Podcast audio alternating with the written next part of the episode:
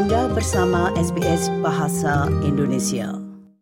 Pendengar menitipkan anak pada pengasuhan anak di usia dini dapat menjadi solusi praktis untuk menyeimbangkan aspirasi karir dan tanggung jawab sebagai orang tua. Namun keputusan tersebut dapat membawa beberapa tantangan yang unik, terutama pada migran baru dan orang tua yang baru pertama kali mengirimkan anaknya ke pengasuhan. Dalam episode Australia Explain kali ini, kita akan membicarakan masalah kesehatan yang mungkin timbul saat menggunakan sistem penitipan anak di Australia. Rangkuman ini disusun oleh Rucika Talwar.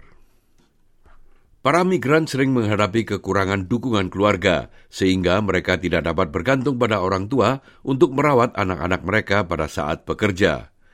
Pendidikan anak seusia dini dapat berguna dalam kasus ini dan direkomendasikan di Australia karena memungkinkan orang tua untuk kembali bekerja. Mendaftarkan anak ke fasilitas penitipan anak juga merupakan pilihan yang populer untuk membantu membangun kekebalan pada bayi dan balita. Selain itu, pendidikan anak usia dini mempersiapkan mereka untuk bersekolah secara sosial dan akademis. Ketika bayi dan balita memulai perjalanan pendidikan mereka di pusat anak usia dini, sistem kekebalan tubuh mereka juga berkembang ketika mereka bertemu dengan mikroba pembawa infeksi yang dikenal sebagai serangga. Yoti Sandu adalah pemilik pengasuhan anak usia dini di Melbourne. Ia mengatakan orang tua ditawari sesi orientasi untuk membuat mereka sadar akan lingkungan sebelum mendaftarkan anaknya.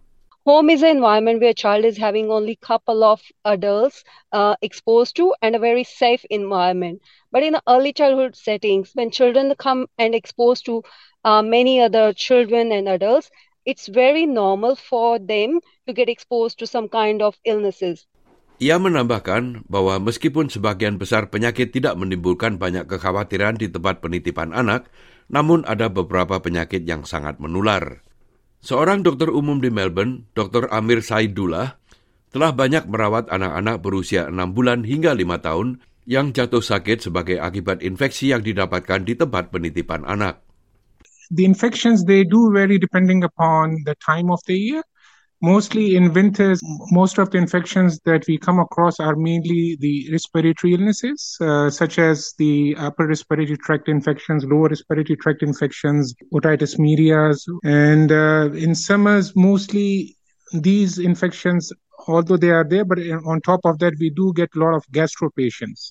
Menurut Dr. Saidullah, 20-30 persen anak yang bersekolah di tempat penitipan anak sering mengalami infeksi ini. Namun sering kali infeksi ini dapat sembuh dengan sendirinya. Artinya, infeksi ini akan mereda tanpa perawatan medis khusus.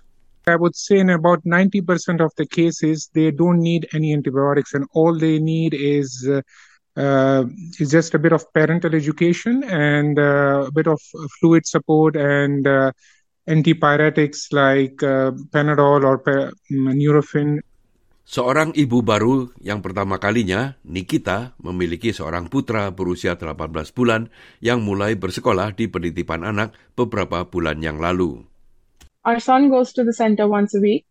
In that shorter window, he has had two very bad cases of flu for which the GP prescribed antibiotics and also steroid syrup because paracetamol and ibuprofen weren't working. He even brought home hand, foot, and mouth disease with blisters all over his body.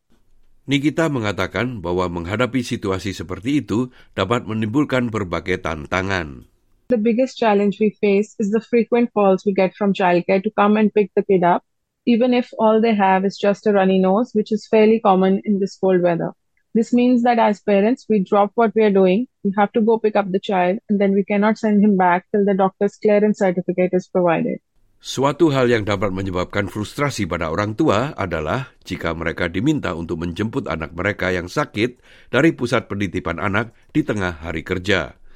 Jika seorang anak sering jatuh sakit, meminta cuti dari majikan atau kehilangan bisnis dapat menimbulkan kekhawatiran bagi orang tua.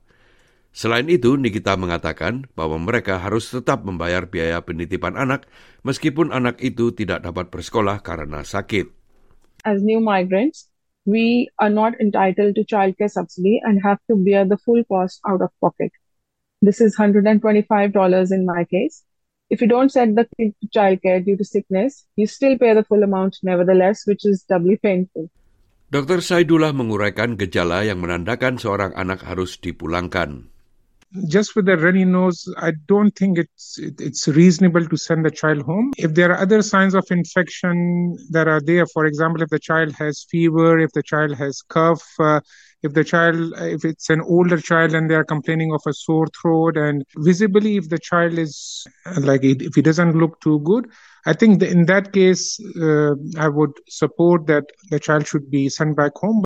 Ia juga menyoroti tanda-tanda infeksi yang berisiko yang harus diselidiki oleh setiap dokter umum, seperti suhu tubuh yang tinggi, sekitar 39-40 derajat, berkurangnya asupan cairan secara drastis yang berhubungan dengan pilek, diare, muntah, atau ruam baru lainnya.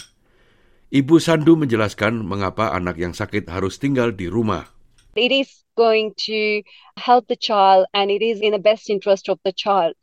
Otherwise, it is going to be a stage where you know if a child is very very sick then the parent has to take the child to the hospital or getting the child hospitalized then this recovery is going to take longer Ia menambahkan bahwa mengeluarkan anak yang sakit dari pusat penitipan anak didasarkan pada kewajiban mereka untuk merawat anak-anak lain di fasilitas itu. Disarankan untuk sering mencuci tangan dan menjaga jarak aman dari anak yang menderita flu atau gastro. Dr. Saidullah menambahkan bahwa nutrisi yang baik juga sangat penting. Most of the times these kids are fussy eaters. So they are bound to suffer from nutritional deficiencies like iron deficiency, vitamin D deficiency. So having these uh, nutrients uh, supplemented in the form of either a tablet or a liquid uh, uh, that would boost up their immunity and further reduces their chances of uh, acquiring these infections. Ia juga merekomendasikan vaksinasi pada anak-anak sebagai mekanisme pengendalian infeksi pada anak kecil dan orang-orang di sekitar mereka. Sandu menjelaskan bahwa sebagian besar pusat pendidikan anak usia dini di Australia mendukung vaksinasi yang dialokasikan oleh pemerintah federal. Some parents opt not to get their child immunized, then we have a different regulation and guidelines around that. For example, if there is a breakout in a childcare service, uh, there's a gastro um, going on, then we do recommend those children who are non immunized. Parents can keep them home because they don't have that immunity. Sandu juga merekomendasikan agar anak-anak terpapar pada lingkungan alami seperti taman dan taman bermain dibandingkan fasilitas dalam ruangan seperti pusat bermain untuk meningkatkan kekebalan mereka. Demikianlah tadi episode Australia Explain yang membicarakan masalah kesehatan yang mungkin timbul pada saat menggunakan sistem penitipan anak di Australia. Laporan tadi disusun oleh Rucika Talwar dan disampaikan oleh Ricky Kusumo. Sukai, berbagi, komentar. Ikuti SBS program Bahasa Indonesia di Facebook.